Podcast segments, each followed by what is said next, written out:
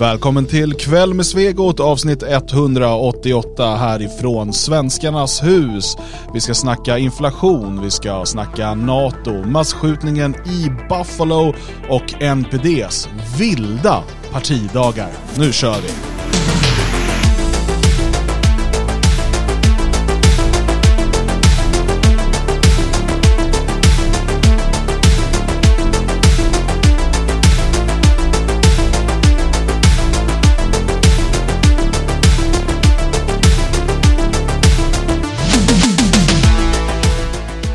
Ja, visst, återigen samlade här i Svenskarnas hus. Jag heter Dan Eriksson. Björn Björkqvist är här. Och Magnus Söderman såklart. Ja, visst. Um, Björn, hur mår du? Mm, jo då, jag är um, lite stel i nacken.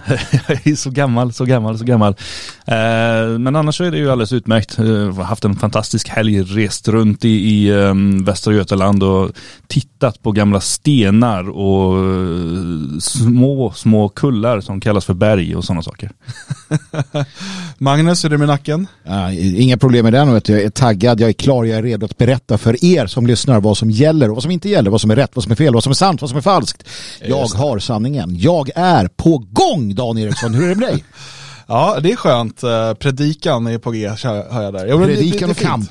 Det är fint. Eh, börja komma på plats här i Sverige eh, och det är skönt att liksom, rutinerna kan börja komma igång på, på allvar.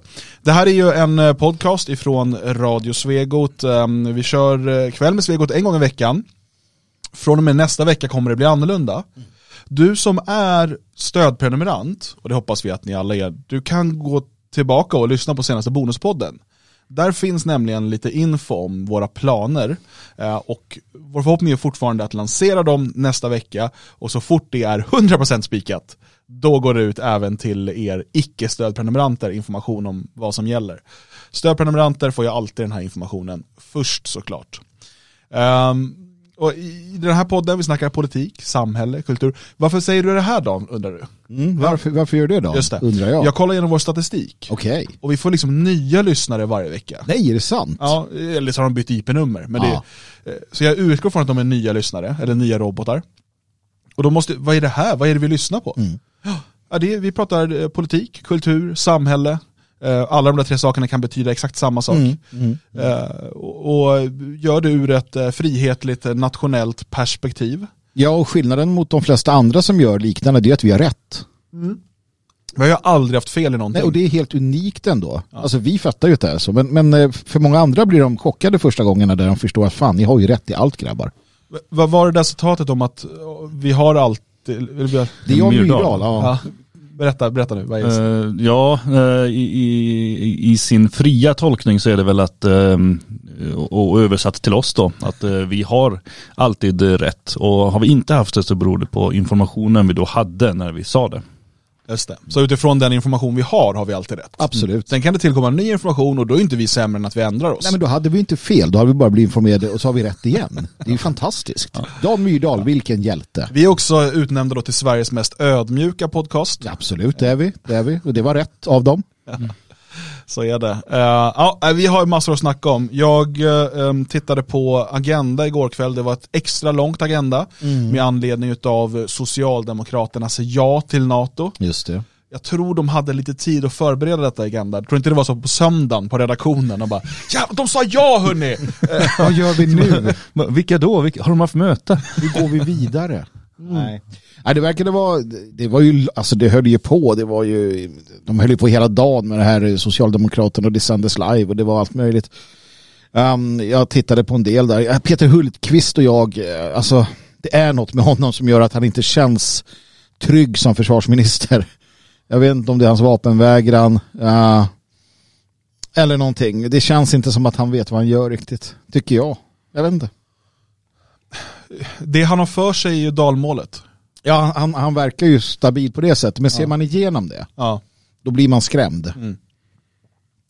Ja, jag, jag, är inte heller eh, helt övertygad. Sen, sen ska jag säga, eh, ursäkta, men jag måste också säga, för jag ser ofta de här memerna.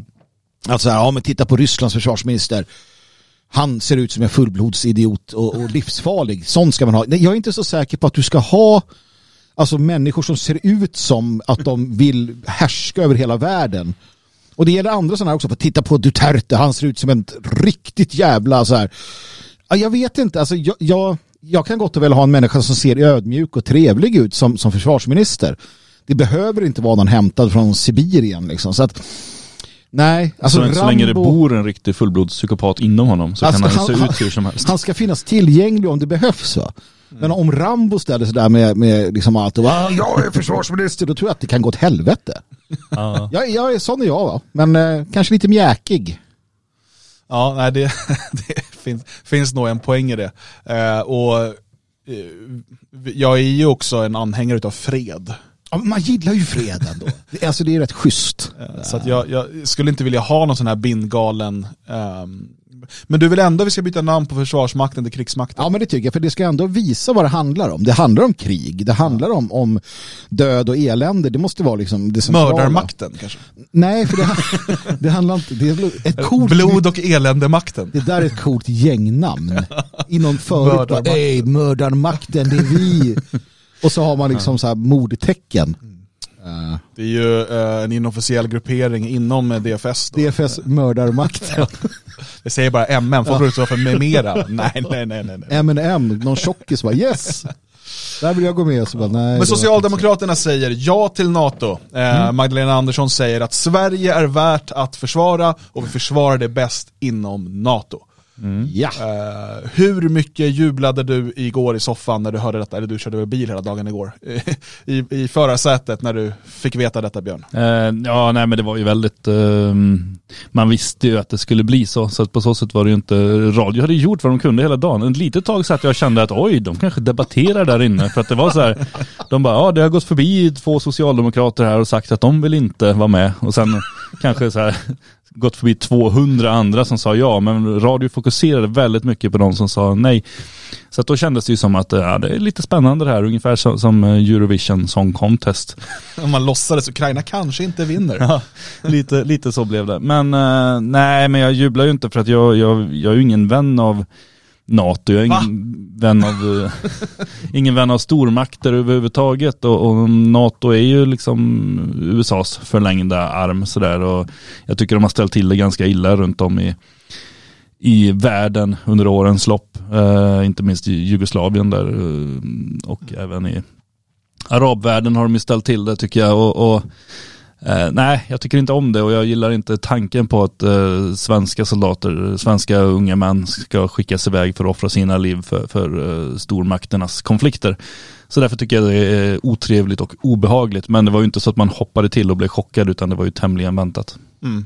Men de, de, de får ju alltså ändå en fenomenal rekrytering av NATO att, eh, att hyra Vladimir Putin som, som eh, att arbeta för, för eh, att vi ska få in Finland och, och Sverige, vilket för bara några månader sedan skulle varit helt otippat.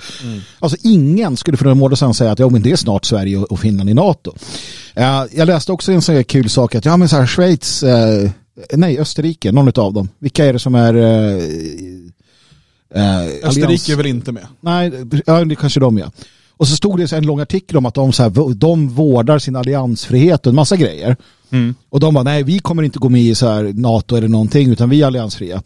Ja, och sen så i slutet av artikeln så klargjordes det att de får inte, enligt, enligt beslut efter andra världskriget så får de inte vara i allians. Alltså de måste vara alliansfria enligt grundlag. Ja, just det. Men Tänk att- grundlagar kan man ju alltid ändra på. Jo, men där följer lite hela så här, titta de här är ändå allians. Jo, men de får inte annat för då har stormakterna sagt att vi kan bomba skiten ur er om ni blir allians. Mm. Eh, lite som Tysklands eviga ockupation där liksom.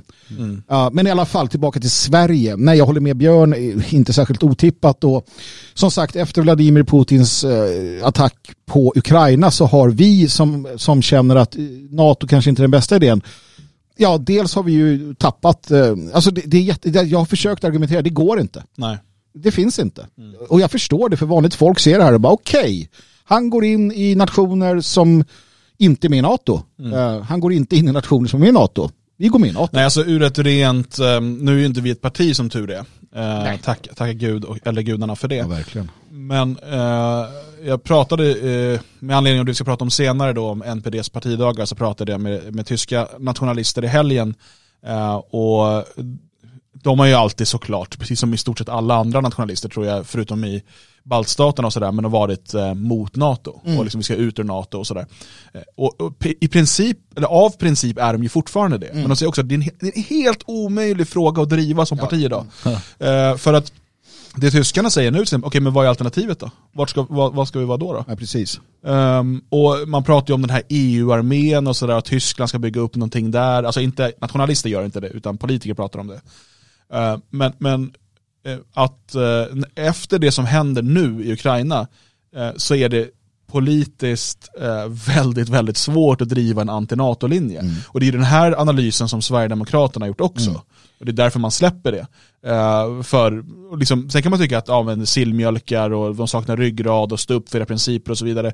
Problemet är, är du ett politiskt parti och du ska vinna liksom, demokratiska val, då måste du spela det demokratiska spelet. Absolut. Ehm, och, och, och sen kan vi, vi kan komma till just om det demokratiska spelet är så himla bra. Men, men det är ju de kort vi har blivit tilldelade om man vill hålla på med, med partipolitik. Ehm, så det förstår jag absolut. Men vi som inte behöver förhålla oss till det, vi kan ju ehm, absolut säga så här, men NATO är skit och Sverige borde inte vara med i NATO. Jag tycker inte att Sverige borde vara med i FN och, eller EU eller jag det finns många sådana här man, man, man skulle kunna lämna. Men det förutsätter ju också dels att vi skulle ha den makten att kunna införa de förändringarna, vilket vi inte har. Och när jag säger vi så menar jag liksom en nationell opposition, till och med, till och med räknar in SD i det, så har vi inte den makten eh, att kunna, kunna påverka det.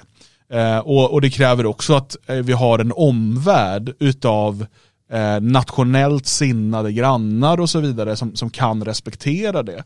Alltså, och, och, och det blir ju ofta, de här diskussionerna blir så himla teoretiska, så att om det var så här och så här, man blir nästan som, som sådana här äh, astro vad- vad- ast- Nauter. Nej, astrologer heter de det, de som tror på stjärntecken. ja, ja. Inte astronomer, de är det på riktigt. Ja, precis. Det är de som... Ja men det blir så här, ja men om stjärnorna ligger så här, så här, så här, då kommer du ha tur i kärlek. Det blir så här väldigt mycket om, om, om, och så, för då kanske så, och någon gång så passar det där in liksom. Men, men, nej, jag, alltså, vi pratade om det här i en bonuspodd tidigare. För mig personligen så är det lite skitsamma vad Sverige gör nu, för det förändrar ingenting i praktiken. Av princip är jag såklart emot att Sverige ska vara med i NATO, eh, och jag vill, inte, eh, jag vill inte att Sverige ska vara med i NATO, jag vill inte att eh, Sverige AB ska vara med i NATO, jag vill inte att svenska försvarsmakten ska liksom vara med i NATO. Ehm, men det är vi redan i, liksom i, på alla praktiska vis. Förutom att vi liksom inte har det på papper.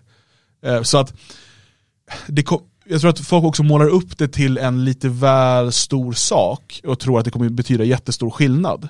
Ehm, jag menar att det inte kommer vara så stor skillnad och att eh, vi i den eh, liksom nationella oppositionen måste fokusera på saker vi kan förändra. Alltså Sverige AB är sedan länge inte längre svenskarnas nationalstat. De har sedan länge övergett det uppdraget. Och man har sedan länge sålt ut sin makt till Bryssel, till Washington eh, och så vidare. Och, och eh, det här är, det är bara ännu ett steg, alltså ännu ett bevis på att Sverige AB inte är nationalstaten Sverige utan det är en administrativ zon i det vi kallar för Global Homo Incorporation. Eh, så att eh, vi kan liksom prata om, om, om ifall allt vore si eller så. Men det är inte si eller så, utan vi måste anpassa och liksom se efter det läge vi är nu och hur kan vi verka för maximal effekt inom de ramar som finns idag. Ja men det är ju lite det som är grejen för att det stora sveket har ju egentligen inte handlat om att man nu bestämmer sig för att gå med utan det stora sveket har ju varit alla närmanden till NATO under många års tid.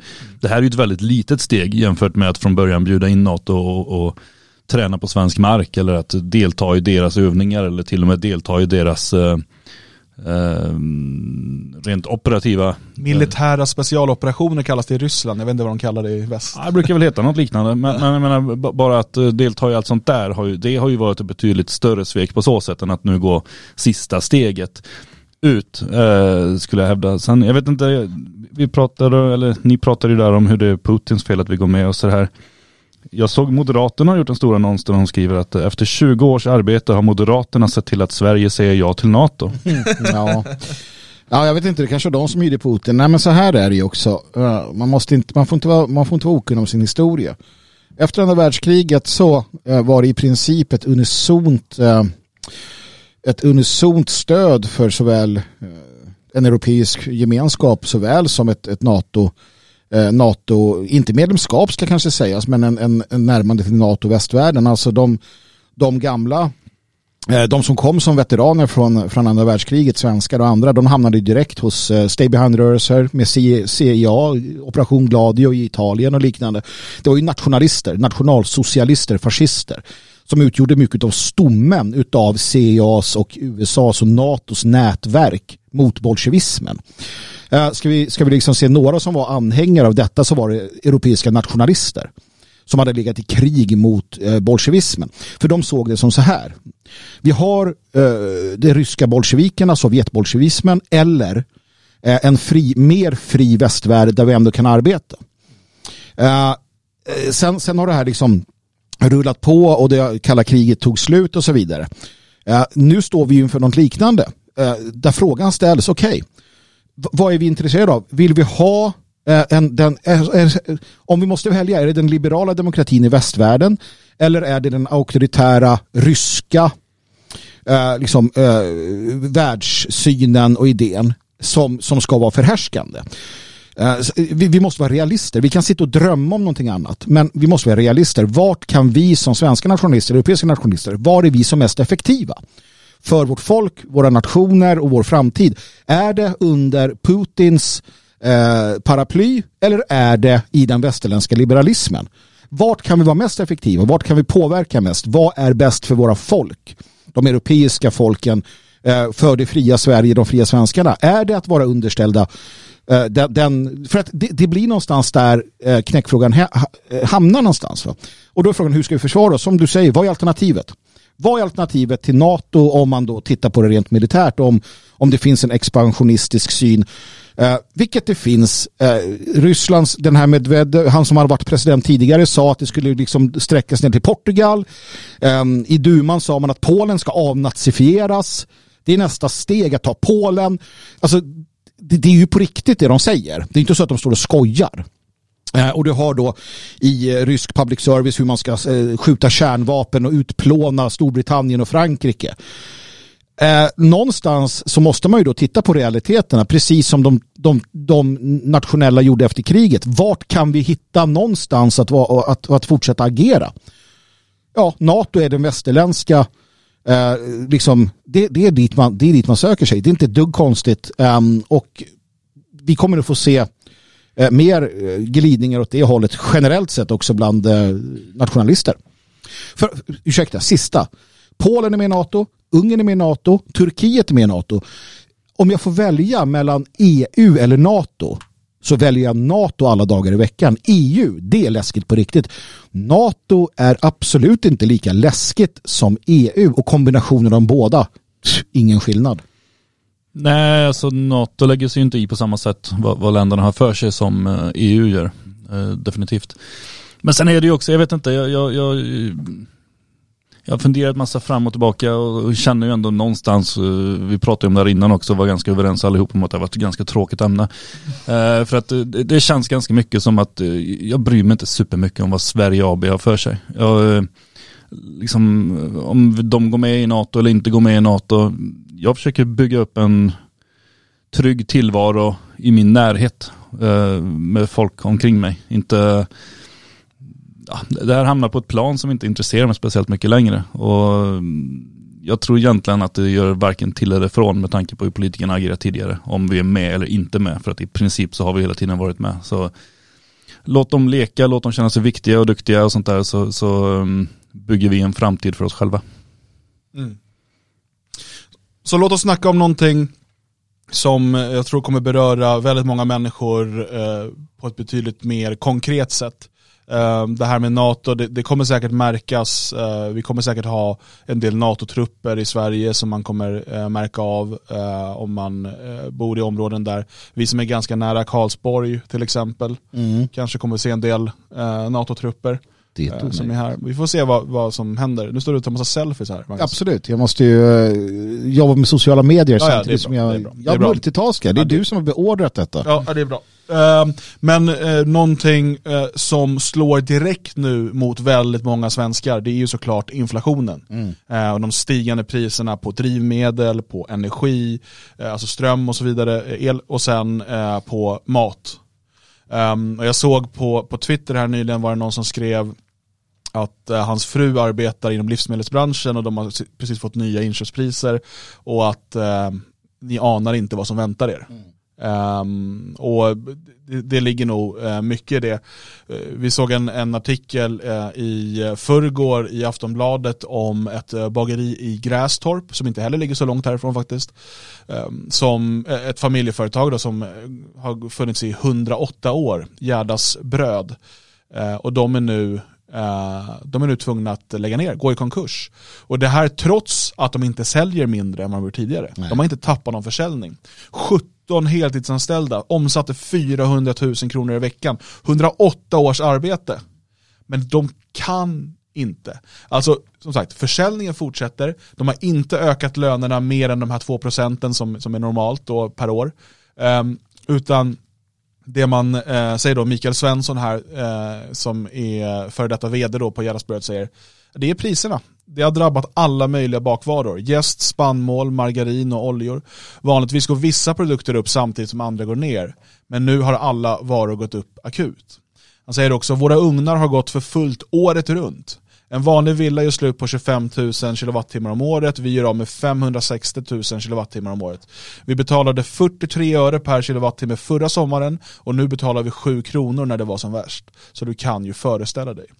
Och sen även då eh, drivmedelspriserna, det är dyrare transporter. Um, och så säger han att sedan december har vi gått back 140 000 kronor i månaden bara på el och drivmedel. Och sen kom då våren och råvarupriserna steg. Eh, han säger aldrig under mina 30 år i branschen har jag sett något liknande. Och Gerdas bröd får väl vara här vara någon typ, ett, en typ av symbol. Jag tror att alla eh, som, som sköter liksom livsmedelsinköp eller som tankar bilen och så vidare har redan känt av det här. Att det, liksom, det, det, det, det har blivit dyrare. Eh, och det får ju den här typen utav dominoeffekter. Alltså man tänker, och det är det här som gör mig så jävla förbannad när man hör, um, när man hör Strandhäll till exempel säga, eh, för de säger, men vad, hur, hon fick en fråga på, press, på en presskonferens där, men hur tror du ehm, de här eh, dieselpriserna, eh, att de, eller om det var debatt i riksdagen var det, ehm, hur, hur det kommer påverka svenska lant och jordbruket. Och hennes svar är att det är självklart att man ska ha råd att åka till jobbet. Så hon fattar inte. Hon fattar inte eh, hur det här hänger ihop med allting annat. Dyrare diesel ger dyrare transporter, ger dyrare lant och jordbruk, vilket ger dyrare mat, vilket gör att du får inflation. Hon fattar inte det. Hon tror att diesel handlar om att man ska kunna åka till kontoret. Problemet är att, att, de, att de inte, och, och eh, alltså att de inte tittar längre än, eh, alltså perspektivet generellt sett hos människan av idag, svenskar generellt sett, men politiker framför allt, är ju väldigt kortsiktigt. Och det är det här som, som, som hela tiden leder oss till de här situationerna. Det, det är brandsläckningar, det är, um, det är väldigt korta beslut, beslut som, som, som får enorm påverkan över, över tid som fattas väldigt utan att tänka efter innan. Och det är ett problem i hela samhället och det, där har vi det här. De kommer stimulera, de kommer hitta, för varje gång du går åt skogen så hittar de något stimulanspaket, något att göra utan att tänka på vad kommer det leda till. Och det är klart det finns krafter i världen som tjänar väldigt mycket på detta. Det finns de som spekulerar, det finns framförallt då inom, inom liksom det vi kallar för någon form av rov, den här rovgiriga eh, bankkapitalistvärlden så finns det ju människor som tjänar enorma pengar på det här. Men för att, för att det är klart att de kommer, de kommer göra någonting för att människor ska kunna eh, eh tanka bilen. De kommer göra någonting för att du ska ha mat på bordet. Vi kommer inte hamna i Mad Max, men vi kommer få det sämre. Uh, och de kommer hitta på ett sätt. Det är som när folk började jubla. Dieseln var nästan uppe i 30 kronor. Uh, och sen gick den ner lite och sen kom någon skattesänkning. Och folk bara, åh titta nu är den bara på 24, wow! Och då hade de människorna glömt att nej, men bara för några veckor sedan var den ju ner, ännu längre ner. Så att alla är kortsiktiga. Alla tänker bara på imorgon, i övermorgon. Och, och det här kommer driva på det här och sen kommer paniken. Jag pratade med en krögare som berättade när han åkte Axfood eller liknande. Storpacken, de är slut. Det är jättesvårt att få storpack till restaurangerna. Han sa det har inte drabbat oss privatkonsumenter. Men när du åker till ICA och det börjar bli svårt att hitta vetemjöl, det börjar, då jävlar sätter paniken in och då kommer folk börja hamstra och då hamnar vi i ett riktigt problematiskt läge. Och det, det väntar bakom hörnet om, om det liksom inte görs något åt det nu och det kommer det inte göra, det tror jag inte. Ja, så att det är inte det att det kommer vara brist på det sättet men det kommer bli problematiskt för att man börjar just med det beteendet. Toapapper, covid, vi minns. Mm. Ja, alltså, och eh, det här som sagt, det kommer, det kommer märkas på olika sätt och vi får, vi får se eh, hur hårt eh, det slår till.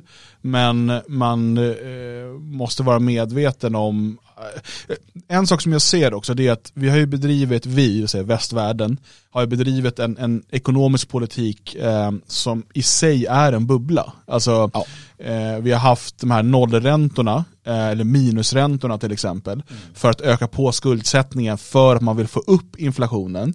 Vi har ett inflationsmål på 2% då, varje år.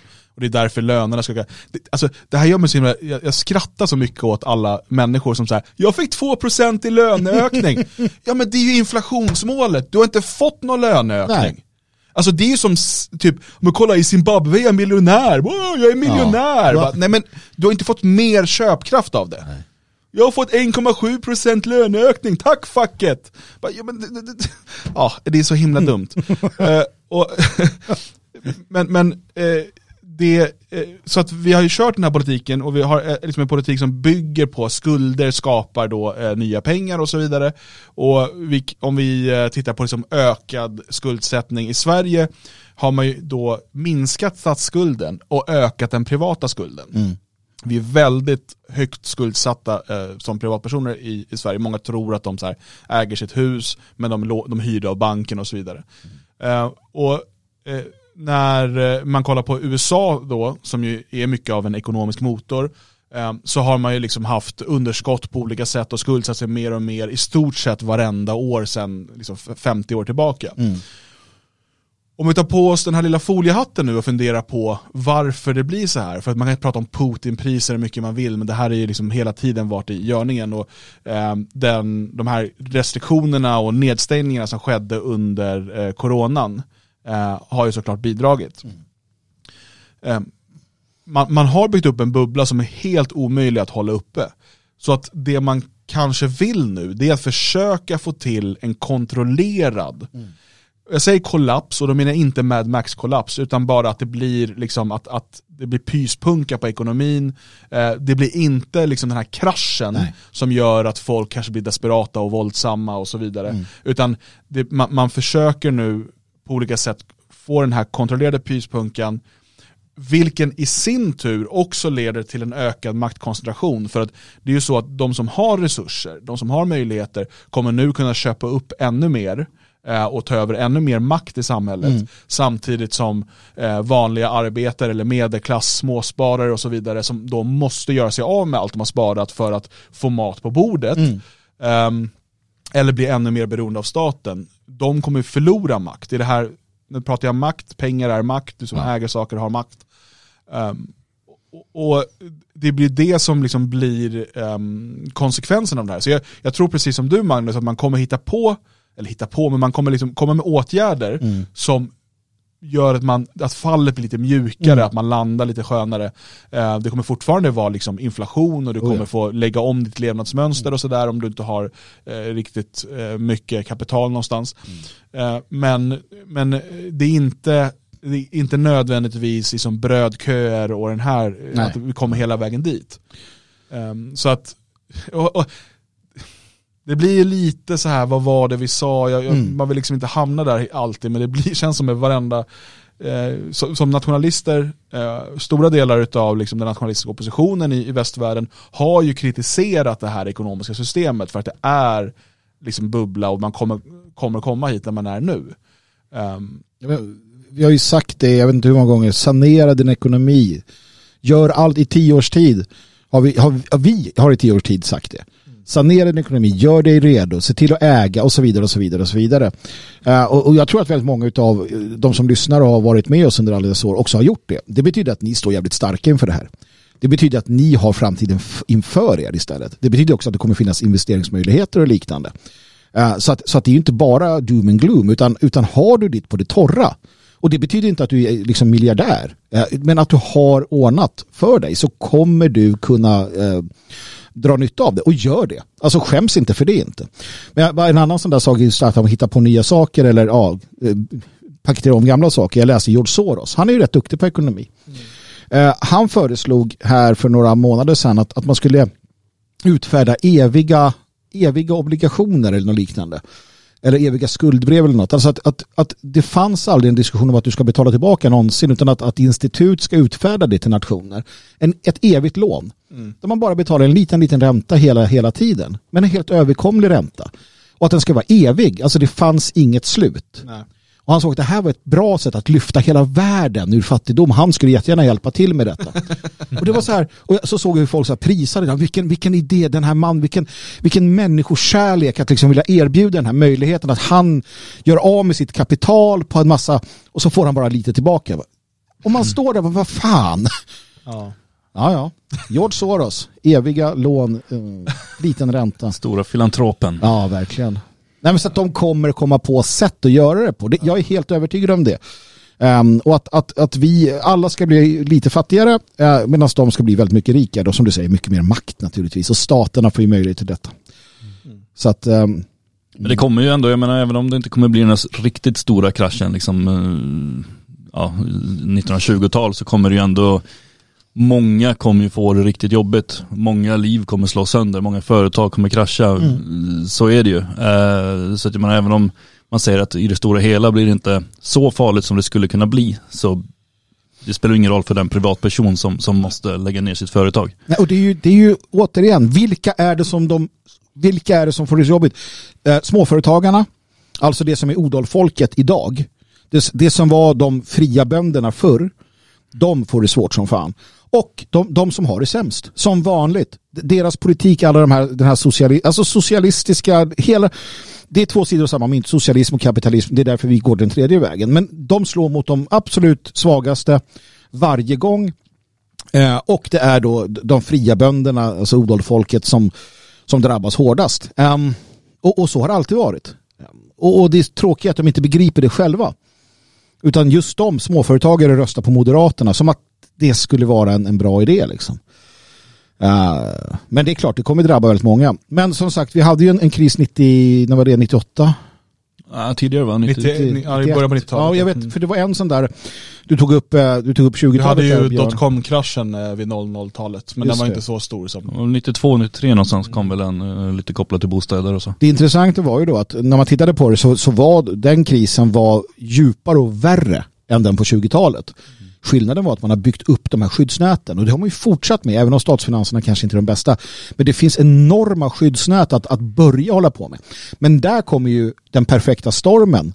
Om de skyddsnäten äts upp, tänk dig på förorterna som ska ha och ska ha och ska ha. Om vi lägger till då bara lägg till en miljon svenskar då. då. Mm. Vi säger det, det är ganska mycket, lite för mycket kanske. Men som så här behöver stöd och hjälp. Då kraschar det kanske. Och då får vi problem i samhället. Men då kan man ju låna pengar av George Soros. Mm så löser det sig.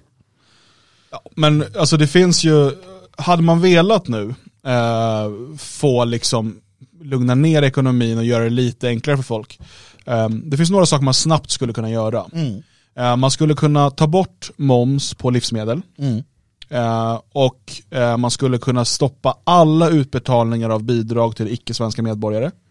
Det behöver man inte ens vara rasist för att göra. Nej, utan bara du är inte svensk medborgare. Nej. Pang, nu är det våra medborgare som, som eh, vi tar hand om. Man kan också vara rasist och göra Jo, men jag ser vad som skulle vara realistiskt i, med den nuvar, till och med med den nuvarande regeringen. Ja, Skulle kunna säga ja. att ja, men nu är ett sånt, alltså är du medborgare då har du rätt till skydd och så vidare, eh, socialt skyddsnät. Ja. Men är du inte det så har du inte det. Ja, och det är inte orimligt att en Nej. människa som inte är medborgare ska ha rätt till sociala skyddsnät. Nej, utan sociala skyddsnät är för medborgare. Ja. Eh, och eh, så. Och ställa in alla bistånd. Ja. Plötsligt så har vi ganska mycket att röra oss med. Alltså, det här finansierar moms, eh, borttagningen av momsen. Mm. Du kan också dra bort åtminstone momsen på drivmedel. Ja, Eh. fast man bör nog ta bort mer för att jag menar, företagen drar ju redan av momsen. Och då, det är ju de som transporterar saker som blir dyrare och dyrare på grund av alla skatterna. Så att jag menar, man behöver gå in och skala på skatterna Precis, också. och sen se till så fort som möjligt dra igång våra egna kärnkraftverk igen. Eh, och se till, nu är problemet att vi är en del av EU och vi måste handla av EU-marknaden för el och så vidare så att vi påverkas när, när Tyskland lägger ner ett kärnkraftverk så kostar det pengar för oss. Ja, precis. Um, men det är sådana saker man kan göra på ganska kort sikt, om man har viljan. Uh, vilket man ju inte verkar ha. Nej, men det är ju så här att, att man har ju kommit överens om, och, och det, det finns en logik i detta. Vi ska göra det tillsammans. Vi har ett, ett starkt samarbete inom EU och det gör att vi faller eller liksom vi, vi, vi reser oss tillsammans och vi faller tillsammans. Uh, och det finns en logik i det såklart, att, att, att vi påverkas för att alla ska hjälpas åt och alla ska dra åt samma håll och då skulle det bli bra. Problemet är att det aldrig funkat så. Framförallt för att, för att det inte är en, för att det är en onaturlig statsbildning. Alltså du kan inte ta syd och nord och öst och väst och bara tro att man kan förena det. En germansk, eh, om man tittar så, en germansk allians skulle nog kunna fungera mycket bättre. En nordisk union skulle fungera bättre. Uh, men, men för, att, för att Magdalena Andersson och, och tyska, för, tyska ledningen så ingen av dem ser ju nationen som det bästa. Mm. Det är ju EU som ska ha det bra, inte Sverige. Sverige är ju en del av EU. Eh, och, och det är ju så de tänker och då blir det ju detta att, att, att man inte tänker på sitt eget folk först. Och det är ju där problemet är. Vi har vad är det, 365 det är dagarna på året, men alla de här i riksdagen. Ingen av dem i princip tänker, sätter ju svenskarna först. De nej, sätter nej. olika särintressen och EU i grund och botten. Ja, och väldigt mycket först. sig själva också. Absolut. Man säga. absolut. Den kulturen har ju vuxit fram. Men, det, nej, men jag, jag, tänker ju någonstans, alltså, både när det kommer till el och när det kommer till drivmedel, att um, i princip ta bort skatten helt och hållet. Visst, um, staten är lite beroende av de här intäkterna, men staten är också beroende av skatteintäkter från alla företag som kommer gå i konkurs om vi inte drastiskt ser till att sänka sänka de här omkostnaderna nu mm. för dem. För att annars så kommer de bara gå i konkurs och då står ju staten lik förbannat med en jävla massa bränsleskatt men ingen som kör. Nej.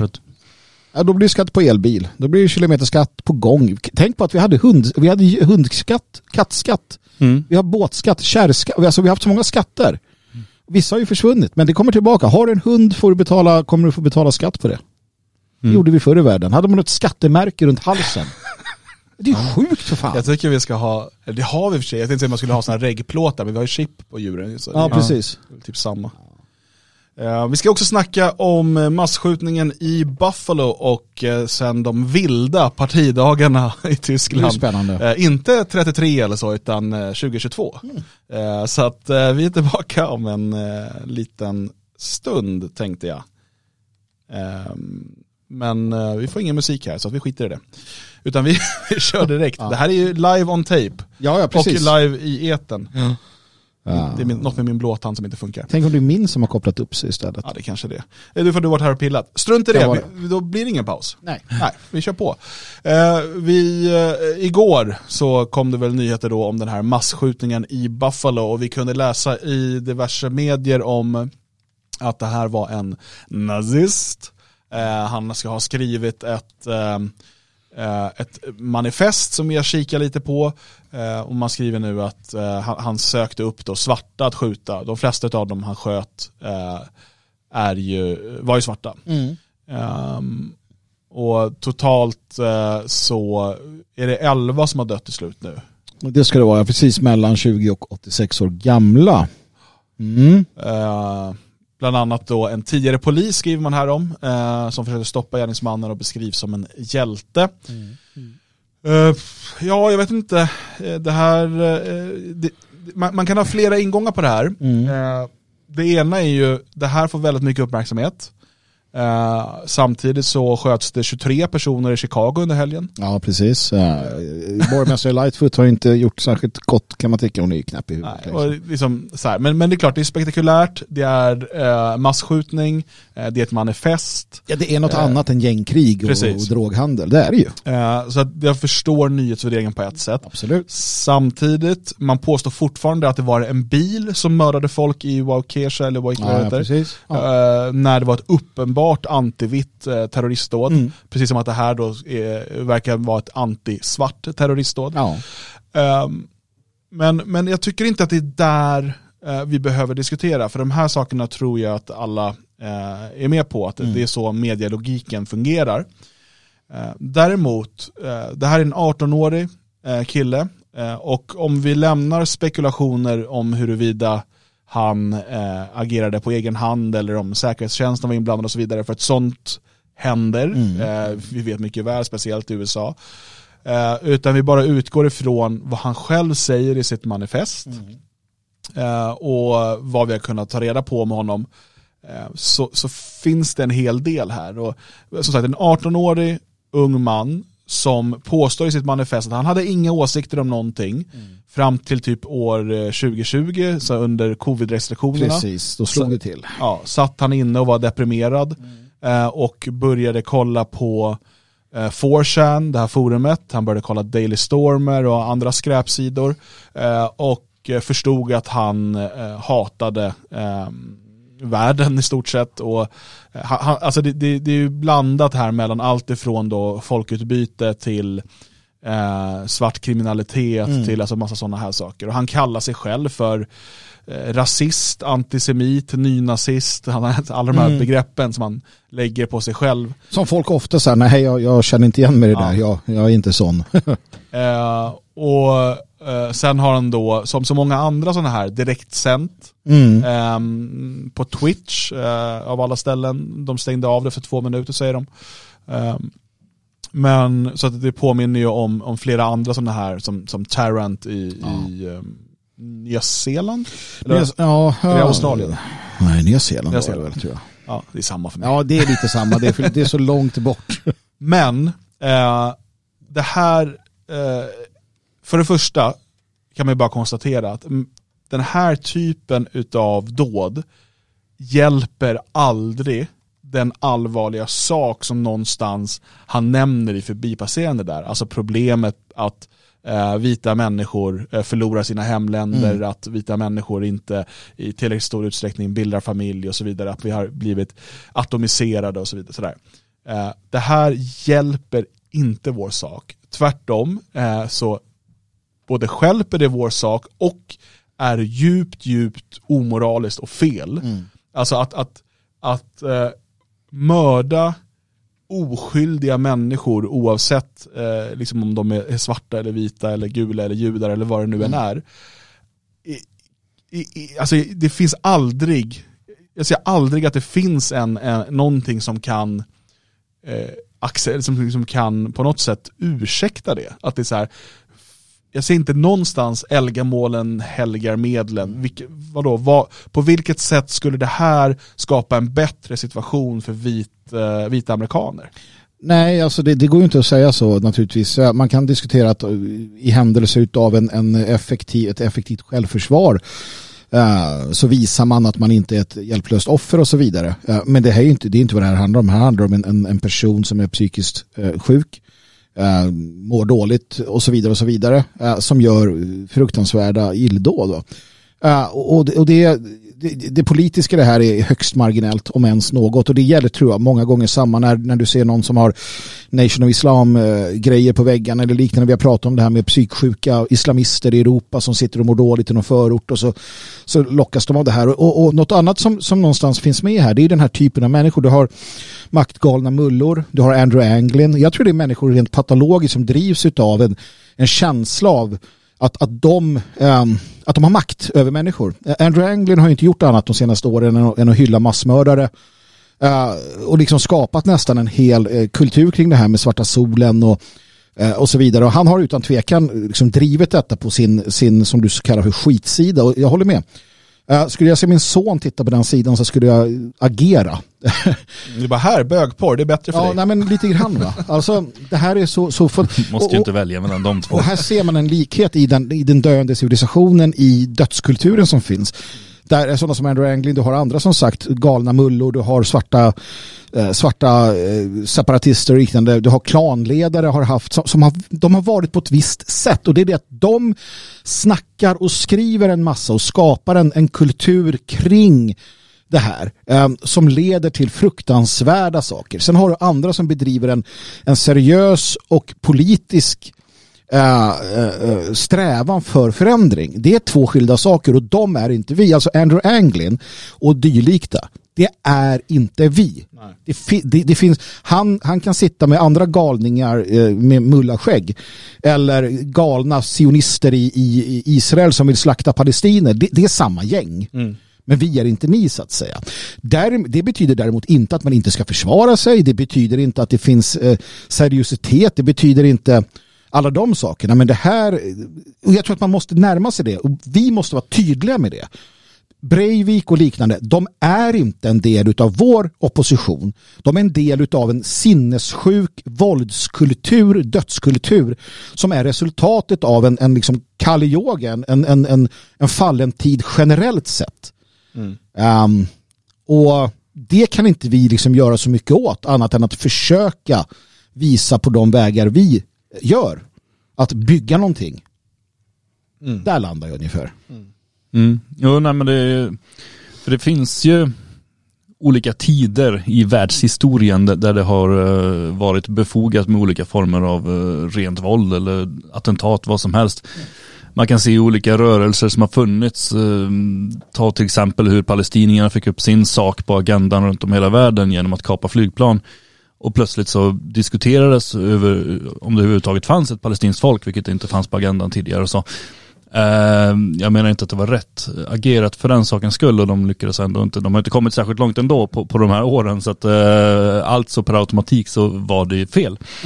Eh, Det här är ju också fel därför att det här ger ingenting. Eh, det- Det finns inga, alltså ändamålen helgar medlen fast vilka är ändamålen i så fall? För att eh, om, om ändamålen är att eh, bara döda människor som man går förbi, absolut. Men vad skulle det vara för, varför? Varför? Det finns ju ingen som helst, utan det här är ju en sinnessjuk människa. Eh, säkerligen riktigt störd, riktigt skadad av det här samhället. Och det här är ju någonting som vi har pratat om många, många gånger. Att unga människor blir sjuka av eh, rotlöshet, massinvandring som skapar det. Av den här um, eh, könskampen som pågår där män inte, får- alltså pojkar inte får uppfostras och bli män. Utan det är massa sidovägar och flum som, som dras fram. Och sen då det kombinerat med att man då ska låsa in människor i, i rädsla för corona under en period. Det är klart att det blir en uppväxande generation av sinnessjuka människor och att det blir sådana här attentat och det kommer bli massor. Men det där ska inte belastas oss utan det där ska ju belastas etablissemanget som har skapat det här. Mm. Mm. Ja, vi är inne på någonting här också som, som återigen måste tas upp och vi har ju kommit till det här med, med ojämna mellanrum. Eh, och, och det är ju problemet med den här typen av eh, ja, men Daily Stormer-retorik eller vad man ska kalla det. Eh, man måste ju också förstå, jag tror att Andrew Anglin skiter i det för att han verkar ju liksom Han går, sakna- han går igång på det här. Han, Ja. han gillar att han sitter som en spindel i nätet. Det är, den enda, eh, det är det enda jag kan eh, liksom sluta mig till efter alla år av denna haverist. Ja, eh, men man måste ju förstå att, att det som man pumpar ut på nätet på olika sätt också får konsekvenser i den verkliga världen. Ja. Ehm, och eh, den här typen, alltså jag vet eh, när eh, vi gjorde ett avsnitt under motgifttiden om, om althögen och sådär. Och som konstaterade att det är jäkligt frustrerande att eh, vi har jobbat ganska hårt på, jag vet när du, när du gav ut eh, till Värn för Norden, så här, vi ska gräva där vi står, liksom en svensk folklig nationalism och vi har pratat mycket om det här och liksom jobbat bort, under många år jobbat bort de här, eh, det som vi kallar för Hollywood-nazismen, alltså eh, det här överdrivna liksom hakorsviftandet och, och 1488 och bla bla, allt det här. Ehm, och sen kommer eh, alt-right från USA eh, och ska ta den här, det, det sunkigaste allt det här med den här, de här sakerna och göra det som amerikaner gör tio gånger värre. Eh, och och vi, vi konstaterar då att liksom, liksom, så hårt som vi har jobbat för att inte unga människor som kommer in i vår rörelse ska behöva göra de misstagen som vi gjorde på 90 och de- delvis under 00-talet. Ehm, och så kommer allt det här igen. Och så kommer eh, Andrew Anglin och Daily Stormer och det växer fram en hel så här, internetkultur kring att bara vara så chockerande som man kan. Och liksom, eh, kolla här hur, hur många hakkors jag kan snurra samtidigt. Och, och, så, och det här får konsekvenser, för nu, han är 18 den här killen. Eh, när, jag tror Daily Stormer eh, har ju funnits i sju, åtta år. Alltså det har ju funnits sen han gick i lågstadie liksom. Mm. Han har vuxit upp med att det här finns på nätet. Mm. Och, och 4chan och, och hela den här kulturen. Ehm, och, och jag menar att det, det är till och med, alltså på ett rent eh, biologiskt plan, skadligt för unga människor att ta del av den här sjuka dödskulturen. Alltså att det skadar hjärnsynapserna. Vilket gör att man, för, det här, för att begå den här typen av dåd så måste du vara empatistörd. Alltså något, något av det grövsta. Ja, du, du, du För, har... men, men, han kan motivera sig för, åh men det är för den vita rasen.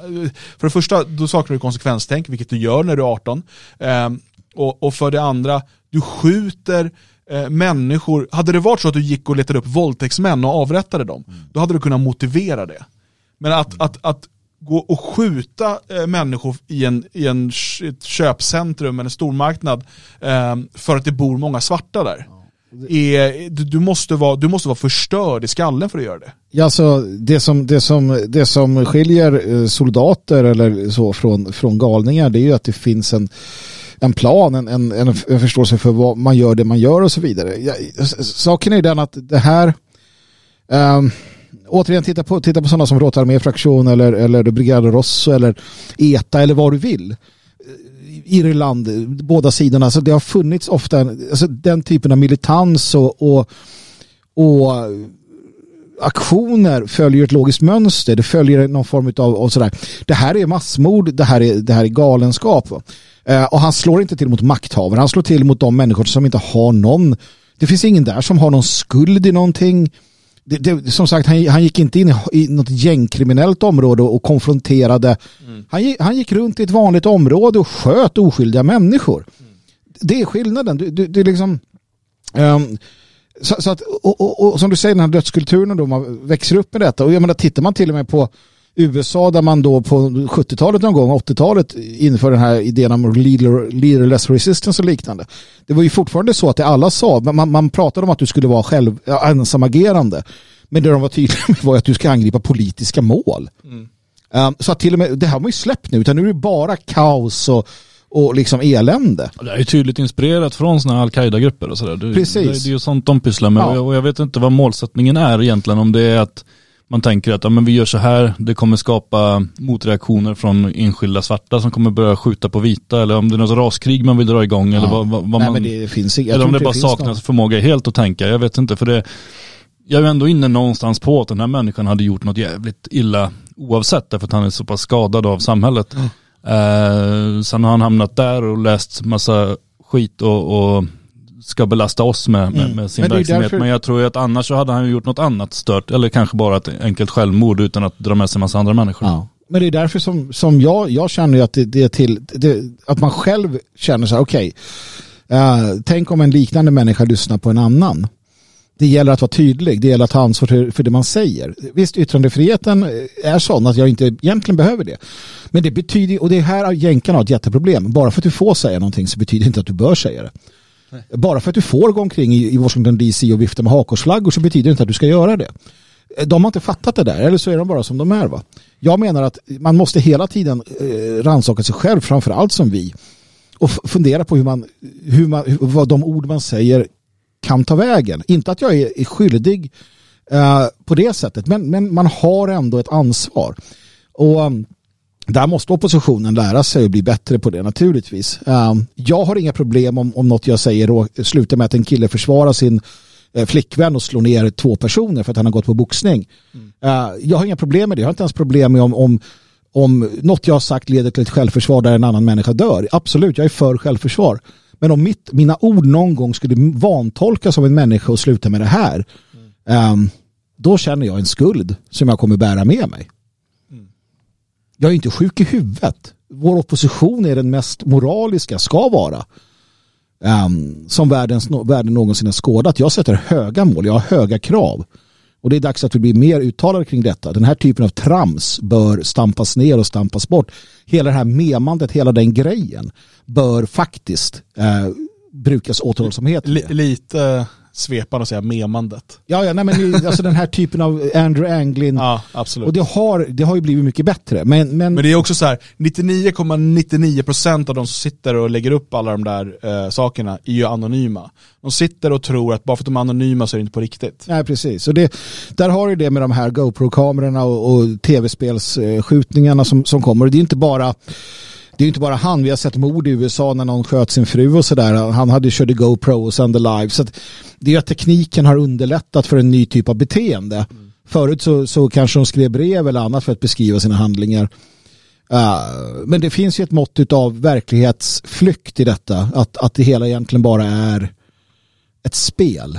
Mm. Jag, jag, får för mig, jag får för mig det utan att veta. Jo men så är det ju. Och det, det, det, ja, det är ju en spelgeneration som eh, inte riktigt lyckas se skillnaden. De flesta gör ju naturligtvis det. I Självklart. princip alla som spelar gör ju det. Men det finns ju uppenbart ett gäng som inte fattar skillnaden. Eh, och inte bara bland de som begår brotten då, utan bland de som sitter och tittar på det och hejar på. Eh, Jag har ju stött på några stycken på senare år, eh, lite grann från allt högre sfären som har varit så här väldigt tydliga med att man ska inte ta avstånd från någonting sånt här, man ska aldrig ta avstånd från dåd som begås och så. Själva är de ju anonyma på internet, väldigt anonyma. Så det är jättelätt för dem att sitta och inte ta avstånd från någonting när de inte behöver ta ansvar för något heller. Men att, Eh, att inte ta avstånd från massmördare som eh, hämningslöst skjuter människor i en snabbköpsbutik i Buffalo, det är ju sinnessjukt. Det finns ju ingen människa, ingen propagandist, ingen människa i världen kan ju tycka att jo men det här ska vi... Ja, och rent moraliskt. Alltså, rent jag, jag, moraliskt. du, du, har ingen, du, du har ingen moralisk rätt att liksom mörda oskyldiga människor. Nej. Det, det, är, alltså, det, det, det är ju det är väldigt enkelt Det egentligen. finns ingen nationalistledare värd respekt nu eller historiskt sett om man tittar på alla som de här människorna då hyllar. Som, alltså, straffen för den typ av aktioner, alltså de, de, de människorna som använde till exempel svarta solen fanns i, i, i golvet på Webelsburg. De, hade, de här människorna hade liksom inte varit vatten värda i det systemet. Det finns inte. Sluta använda våra heliga symboler. Sluta befläcka vår, liksom, vår germanska andlighet. Sluta vara de här människorna. I sådana fall kan ni göra något annat. Och, och vi måste vara tydliga med detta. Vi måste faktiskt alltså, vi, måste, vi måste på något sätt få en, en moralisk upprus, upprustning. Eh, generellt sett. Det här, det är inte, det, det drabbar oss Men illa. Björn, du nämnde här, eh, det påminner om typ så IS eller Al-Qaida, det är samma taktik. Och det har du helt rätt i. Och om, du, om vi då tittar då, vilka framgångar har de skördat jämfört med Muslimska brödraskapet? Mm, precis. Här har du två helt olika strategier. Om du vill kopiera muslimernas strategi, vilka har det gått bäst för? Muslimska brödraskapet som jobbar på att etablera sig i samhället, skapa sina egna parallellsamhällen samtidigt som man försöker eh, på olika sätt då infiltrera eller påverka institutioner. Eller de som springer runt och skjuter eh, civila på stan. Um, det är ganska uppenbart att om man nu ska välja att influeras av någon av dem så är Muslimska brödraskapet ett mycket bättre exempel. Ja, ja precis. Så, det, är intressant när du säger så här, infiltrera, ja det gör de ju. Men eh, utifrån deras perspektiv så, så tar de hand om sina egna. Ja. Det är precis, de, de, de, de, det, är, det är ju inte nödvändigtvis att de tänker nu ska vi ta över på det här sättet och så, utan det är mycket att ja, men de är det de är, de gör det de gör ja, och det här får konsekvenserna och resultatet. Ja, så att sen har de absolut, eh, de har en idé om ett kalifat och så vidare. Och det ska de uppnå på sitt sätt. Barnvagnar bland annat. Va? Nej, och det är klart. Ja, men, men sen måste vi också bara, återigen, jag förstår att vi, vi tar upp det utifrån det perspektivet, men det är heller inte en fråga om strategi. Det är en fråga om grundläggande mänsklig moral. Och, och där kan jag ta den gamle Paulus ord återigen. Gillar ju inte Paulus. Nej, jag gör inte det, men det här är bra sagt. Du kan inte göra det goda genom att göra det onda. Och det där går igen eh, hos, hos alla som sagt av heder och ära. Du beter dig inte ärelöst, hederslöst för att uppnå något hedersamt. Det går nämligen inte. Um, och det är samma med den här typen av gärningar. Ett samhälle och ett folk som accepterar den här typen av handlingar, om man skulle då applådera detta, massmord, eh, urskillningslöst våld mot människor. Vad är det för samhälle som, som tolererar eller applåderar detta. Det är ett samhälle som, som sjunker ner i barbarism. Titta på IS-kalifatet som sjunker ner i massmord, bränna människor i burar, våldta barn. Eh, alltså det, var, det är vad det handlar om, det är vad det slutar. Uh, alltså man sänker sig lägre än djuren. Mm. Uh, och det kan ju inte vi någonsin acceptera, därför måste vi vara väldigt tydliga med detta. Uh, och naturligtvis ta avstånd. Det, det är ju det är ju liksom, det är ju, det är ju inte ens, eh, det är inte tillräckligt. Och, så, och uppmana människor att hålla inte på, dels förpesta inte era sinnen med de här eh, sajterna och, och, forumen och så vidare. Eh, det är inte bra för dig, du blir avtrubbad, du blir felprogrammerad. Eh, och framförallt, sprid inte skiten vidare. Nej, och det är en skillnad här, för då kanske någon säger, ja men ni säljer ju Turner Diaries. Ja, ja precis. Och, och, Jack London skrev något liknande på, i början på 1900-talet. Det är en skillnad mellan böcker mm. och, och, till och med serietidningar. Mm. Och det som vi ser som kommer nästan sådär äh, progressivt. Det här är piss. Ni, ni bör krypa tillbaka under den sten ni kom ifrån. Liksom. Ja, nej, men så är det absolut. Så är det. Björn, mm. hur mår du? Jo då, jo då. Bra. Jag mår, jag mår bra. Såg ut att börja säcka ihop här, är det jobbigt att stå upp? Uh, ja, det är så jobbigt. jag är lite spänd eh, Dan uh, av att uh, få veta vad som har hänt i, i Tyskland. Mm. Ja, det är ju, ja. Ska vi börja på 30-talet eller? Nej, men vi kan ta, vi kan ta här i helgen. Ja, 1830-talet. ja, det, det var ju han um, Hohenzollern då ja, som Preussen och... Gamla kejsargubben där som... Berätta mer Dan. Ja. Eh, det, får, det är Jalles podd. Ja, precis. Eh, kommer ett nytt avsnitt imorgon utav på gamla och nya stigar faktiskt. Mm. Så det får ni hålla utkik efter på, på svegot.se eller i er poddspelare. Eh, nej, eh, NPD, eh, det nationaldemokratiska partiet i Tyskland, eh, höll partidagar i, i helgen, alltså deras årsmöte kan man mm. säga. Och det är ett parti som har dragits med stora problem. Man kan säga så här att partiet grundades ju då 60 62 eller 64, jag minns inte exakt. Ja. Men, men, det är länge på 60-talet. Ja. Och eh, man var väldigt nära att komma in i förbundsdagen redan första valet. Mm. Eh, och det där, redan där var en liten så här, ah, då gick inte det och då tappade man ja. lite momentum och sen så sjönk man eh, liksom val efter val efter val. Fram till återföreningen. Mm. Eh, alltså 89 när, när DDR eh, går in och blir en del av förbundsrepubliken. Eh, och då ser man ett uppsving. Under 90-talet så växer en stark eh, gaturörelse fram i framförallt gamla Östtyskland. Eh, nationalistisk aktivistisk rörelse med demonstrationer. Det kommer en massa organisationsförbud under 90-talet för att de här, en del av dem är våldsamma eh, eller bara ses som ett hot mot staten. I Tyskland är man ganska frikostiga med mm. organisationsförbud. Uh, Udo Fock tar över uh, NPD uh, och försöker då, för i det här läget så är NPD en herrklubb. Mm. Det, är liksom, det finns ingen geist, det finns inget, och det går bara neråt och man fortsätter bara neråt.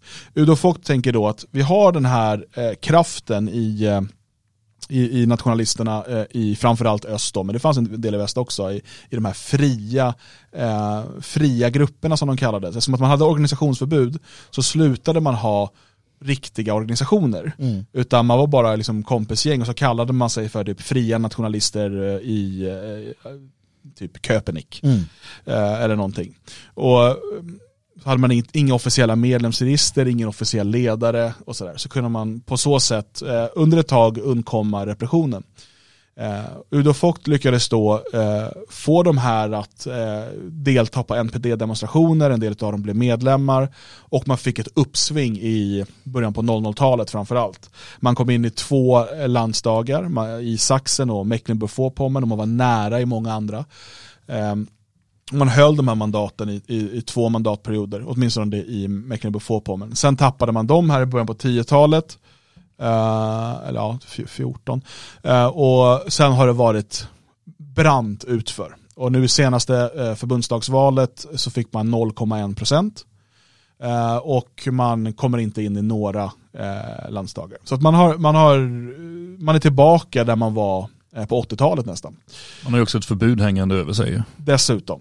Så att man, man har problem. Och inom partiet har det under lång tid eh, Eh, funnits eh, en, liksom en förnyarfalang kan man säga som säger att vi kan inte fortsätta göra som vi har gjort i 50 år. Vi måste titta på andra strategier eh, vi, och, och, en helt annan image. Um, och därför har det funnits förslag om namnbyte men också eh, förändringar av stadgar. Eh, att kanske sluta fokusera på Ehm, alltså rikspolitik skulle vi säga på svenska, eh, utan försöka satsa mer på eh, lite mer som kanske det fria Sverige och bygga sociala mötesplatser och försöka påverka lokalt, eh, ha mer fokus på kommunal och landsdagspolitik och dessutom på, på ett bra sätt skulle jag säga modernisera den politiska ideologin. Alltså man är ju nationalister, man är nationaldemokrater, det är inget snack om det. Men eh, man kanske behöver uppdatera retorik och annat. Eh, det är inte samma som på 60-talet. Det här låter ju fantastiskt, det här måste ju ha gått igenom med överväldigande det här, majoritet. Det här har ju då diskuterats i flera år, man har haft ett utskott mm. eh, som har då tagit fram olika förslag och man har jobbat och, eh, och eh, många av mina vänner sitter med i utskottet och, och, och, nu så skulle det då röstas på det här eh, årsmötet på partidagarna. Eh, och det börjar då med en debatt som blir väldigt hetsig. Mm. Eh, och eh, det slutar med att ett antal personer eh, börjar slåss. Nej. Ehm, inte, det, som jag har förstått det har det inte utdelats några knytnävsslag men det, man har greppat tag över varandra, ja, ja. puttat och eh, så här, folk får gå emellan. Vet vi vilka? Är det några vi känner? Ja, berätta. nej. Du behöver inte säga namn, det kan du säga sen. Men... Jag, jag, tror inte det är några vi känner. Ah, okay. Uh, men, men det är väldigt... Men för att få bilden klar, är, är, det, är det de som har börjat slåss här, är det unga från gamla fria nätverken eller är det de gamla farbröderna som har slagits? Det är gamla mot unga. Ah. ah. De gamla vill inte ändra någonting. Nej, det är klart. De det ska vara som det alltid har varit. Mm. Och de unga vill eh, modernisera och gå framåt. Ja. Unga menar jag då folk under 50 eller under 60. Ja, ja. Det är liksom... Ja, men det är, vi är unga. eh, för att på de här partidagarna, det är inte alla medlemmar, det är delegater ifrån eh, olika typ motsvarande kommunföreningar, Landkreis. Just det. Eh, så att eh, man har då 154 eh, delegater hade man här. Eh, och, och, debatten blir hetsig, men sen lugnar det ner sig och man, man fortsätter debattera och så ska det gå till omröstning. Och för att få igenom en stadgeändring eh, och ett namnbyte så behöver man två tredjedelars majoritet. Ja. Så när man till slut då röstar eh, så blir det då 100 röster för namnbyte och stadgeändring mm. och 54 mot. Så man når inte två tredjedelar. Nej. Majoriteten är för.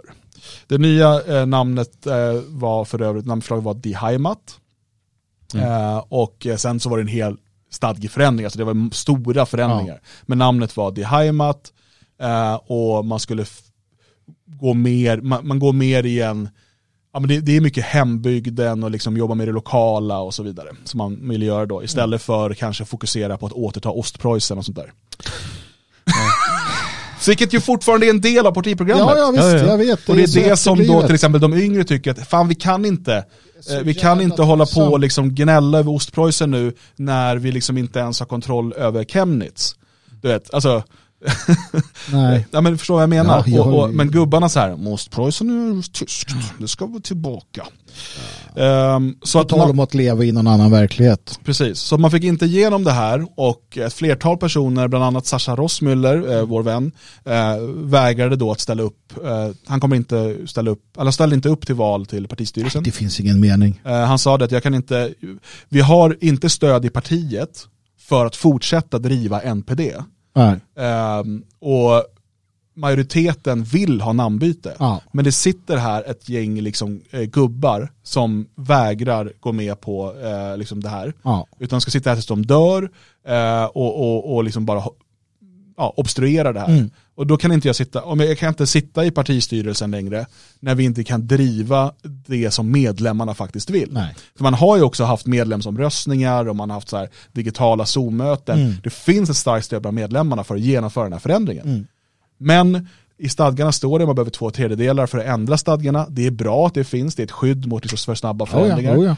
Men nu, nu så kan man inte genomföra det här. Um, Och Frank Frans då, partiledaren, försöker hålla modet uppe liksom Mm. att jo men mycket kan vi ju göra, vi kan dock inte ändra namnet och sådär. Men vi kan göra många politiska förändringar för det, det är inte i stadgarna liksom. Mm. Eh, men eh, jag, jag, eh, jag, jag, jag ser, alltså NPD, här, jag är inte säker på att ett namnbyte och imagebyte hade betytt jättemycket. Men det kan lägga grunden för någonting om 10-20 år. Alltså man bygger, om man börjar arbeta på ett annat sätt, se på sig själva på ett annat sätt. Ehm, så, så kan ju det, och framförallt alternativet att fortsätta som man gör nu är eh, helt, alltså då vet vi ju resultatet. Alltså så här, jag ska inte säga att NPD numera, alltså att NPD kommer gå under. För det är sällan sånt här försvinner. Vi, det, det, det, det kan drivas vidare som så här, enmansrörelse till sist. Ja, det har vi sett. Men vad det handlar om är ju att man har eh, kanske då tappat möjligheten. Och, och eh, hade man bytt namn, eh, bytt och, alltså gjort allt detta, så hade man fått en ny eh, nytändning i partiet. Man hade fått många människor som börjar eh, komma tillbaka och ta itu med saker eh, nationellt så att säga. Nu får man inte det, snarare kommer många lämna. Eh, kanske få se en splittring. Eh, andra försöker med det här med att själva eh, utan de resurserna som partiet ändå hade haft. För att några jävla trötta gubbjävlar ärligt talat eh, vägrar. Och jag vet ju också, vi, vi, vi pratade om det här för flera år sedan, Dan, eh, efter att ha liksom tittat på MPD. Och vi såg hur, hur många människor som är drivna organisatörer, de som verkligen har varit ryggraden, har ju slutat jobba med partiet. Eh, för att det går inte. Man inser liksom hur hopplöst det här är. Så att nej, det är inte dödsstöten på det sättet, men det är dödsstöten i, i akt och mening. Och det, det är ett sorgligt sätt för ett parti som MPD eh, att, att gå hädan, för det gör det ändå i akt och mening. Eh, det hade kunnat bli en enorm kraft i samhället eh, för att bygga just ett alternativ och använt all sin, sin, sina kunskaper, sina resurser, sin hängivenhet till detta. Men det gör man inte för att man ska springa efter ett, ett politiskt mål de aldrig kommer uppnå. Demografin etc. är likadan i Tyskland och högsta domstolen i Tyskland har sagt om ni blir för starka då förbjuder vi er. Hur man kan fortsätta på detta det är ju, det är ju hart när förräderi. Nej, redan där var det ju liksom bestämt att det finns ju ingen anledning att fortsätta. Men, men nej, men jag vet inte, det, samtidigt får man ju ändå se det, man får ju se det positiva som finns ändå. Jag menar, de har funnits många år, de har uppfostrat många duktiga, drivna nationalister, de har sett till att eh, många bra människor liksom har skolats och eh, nu får se till att arbeta med någonting annat bara så får man ju se till, hoppas att det här leder till någonting bra. Eh, det kanske behövs en rejäl splittring, en rejäl brytning från det gamla. Eh, det kanske, ett namnbyte kanske hade varit det sämsta. Det, det kanske är mycket, mycket bättre att de här hundra drar sig vidare och gör någonting annat. Ja, ja, Problemet är ju att MPD har fortfarande en ganska stark infrastruktur. Eh, och det är den som hade varit bra om, om positiva krafter kunde använda. Eh, nu har man ju i Tyskland eh, 50-11 partier. Mm. Um, du har ju, och mycket är ju utbrytarpartier ur NPD. För som sagt, många, alla, nästan alla samlades i NPD på 00-talet. Eh, och nu har man då Dritte Weg som är, vill då tycker att ehm, att att NPD är för lite nationalsocialister och de vill ha ännu mer tydligare eh, fokus på att återta Ostpreussen. Eh, och sen har du eh, Direkte som nu samarbetar med NPD. Mm. Eh, man hade en officiell företrädare som var där och höll sånt här eh, hälsningstal eh, på partidagarna så att man har lite och sen har du en massa små, små partier som dyker upp överallt och framförallt har man ju då AFD eh, som ehm, gör att, och, och det är den här analysen du måste göra och det är den som vi har gjort med Sverigedemokraterna att eh, du kan inte, de kan, NPD kan inte utmana AFD på riksplanet. Eh, men däremot så kan NPD göra positiva saker i lokalsamhället eh, och på så sätt bygga en maktbas eh, framöver därifrån. Eh, och, och det var det man ville göra då med det Heimat. Men jag, det är som du säger Björn, det är mycket möjligt att vi kanske ser en, en exodus nu, en massavhopp eh, utav de här drivna människorna. Eh, men då ska man starta upp, det är svårare att starta upp från början. Alltså det som händer då det är att, att, att de kommer bara eh, bli en del av redan pågående projekt. För du har ju, jag menar jag träffade, och det, är så, det, här är ju bara i Tyskland, jag träffade personer från Blood and Honor. Um, och det är ju en skinnskalleförening men de var så långt ifrån vad du kan tänka dig. Det var, det var människor som arbetade med att skapa en by. De hade en bagare och slaktare och sådär. Mm. Men de var Blood and Honor för det har de alltid varit och du har Hammerskins som jobbar lite liknande på vissa delar och sådär. Eh, De här människorna som lämnar NPD kommer ju då komma i, in i, i andra delar. House Montag är väl en del utav, det är också Mm. sån här fri, eh, de står på egna ben, massa sådana projekt finns redan. Det, det Heimat hade kunnat gjort det är att bli en, en, en, en, ett paraply som har resurser att hjälpa alla de här små som redan finns. Nu kommer någon här, någon där, bli, de blir en kille starkare i House Montag eller liksom ja, mer än så, tyvärr, jag, jag, blir, jag ser det lite dystert på det sättet. Um, men det är klart, de här killarna och tjejerna kommer ju fortsätta kämpa på. Um, och det är väl det positiva då i sådana fall. Ja, för förändringen behöver ju inte ske imorgon heller. Alltså det, det kan ju vara det kan ju bli en splittring, en, en period där man flyter runt i olika projekt. Jo. Men sen kan det ju dyka upp något igen som, Mm. som man enas kring. Så att jag menar, ja nej men jag vill inte se det som helt dödsdömt utan jag tror snarare att det hade kunnat vara problematiskt, eh, inte på kort sikt men kanske på längre sikt, att ändå ha med sig det gamla oket. Jag, jag vill bara, liksom på någonstans, så att vi går ju alla, vi blir alla äldre ja, och har varit med länge. Och vi får lova varandra att aldrig bli de där, eh, de där gubbarna. Blivit det. som, som inte vågar liksom, alltså man måste ständigt stöta och blöta sina, sina övertygelser och ta sig ur sin comfort zone um, och, och inte tillåta vad fan som helst va? men ändå förstå och försöka hänga med. Um, Ja, Mm. eh, så, så är det klart. Det där är någonting vi diskuterar internt väldigt ofta. Att liksom, Det det får inte bli sådär. det tummar vi på. Det tummar vi på. Eller pinky promise. Precis. Pinka på varandra. Nu Är det vet det jag, betyder? Nej, Nej. nej, det har varit fel nu. Hörni, eh, bonuspoddar får man tillgång till om man är stödprenumerant och eh, förmodligen redan från och med nästa vecka kommer stödprenumeranter överösas med saker. Ja, det är Oj, sjukt, oj, oj, oj, oj. sjukt vad det kommer Ja. hända grejer. Lyssna på senaste bonuspodden så får du mer information. Och sedan sist har FG Karlsson, LP och Stenvald eh, blivit eh, stödprenumeranter och det är vi väldigt eh, tacksamma för. Dessutom har vi fått in en fin donation ifrån Mike J som skriver Jag har 88 problem men Svegot är inte ett. Det fria Sverige är ljuset från norr. Nu så ska vi fortsätta jobba här i Svenskarnas hus. Kom gärna förbi, vi har öppet för allmänheten måndag till fredag. På lördag är det stängt, då pågår renoveringsarbete. Men kom förbi i veckan så tar vi en kaffe.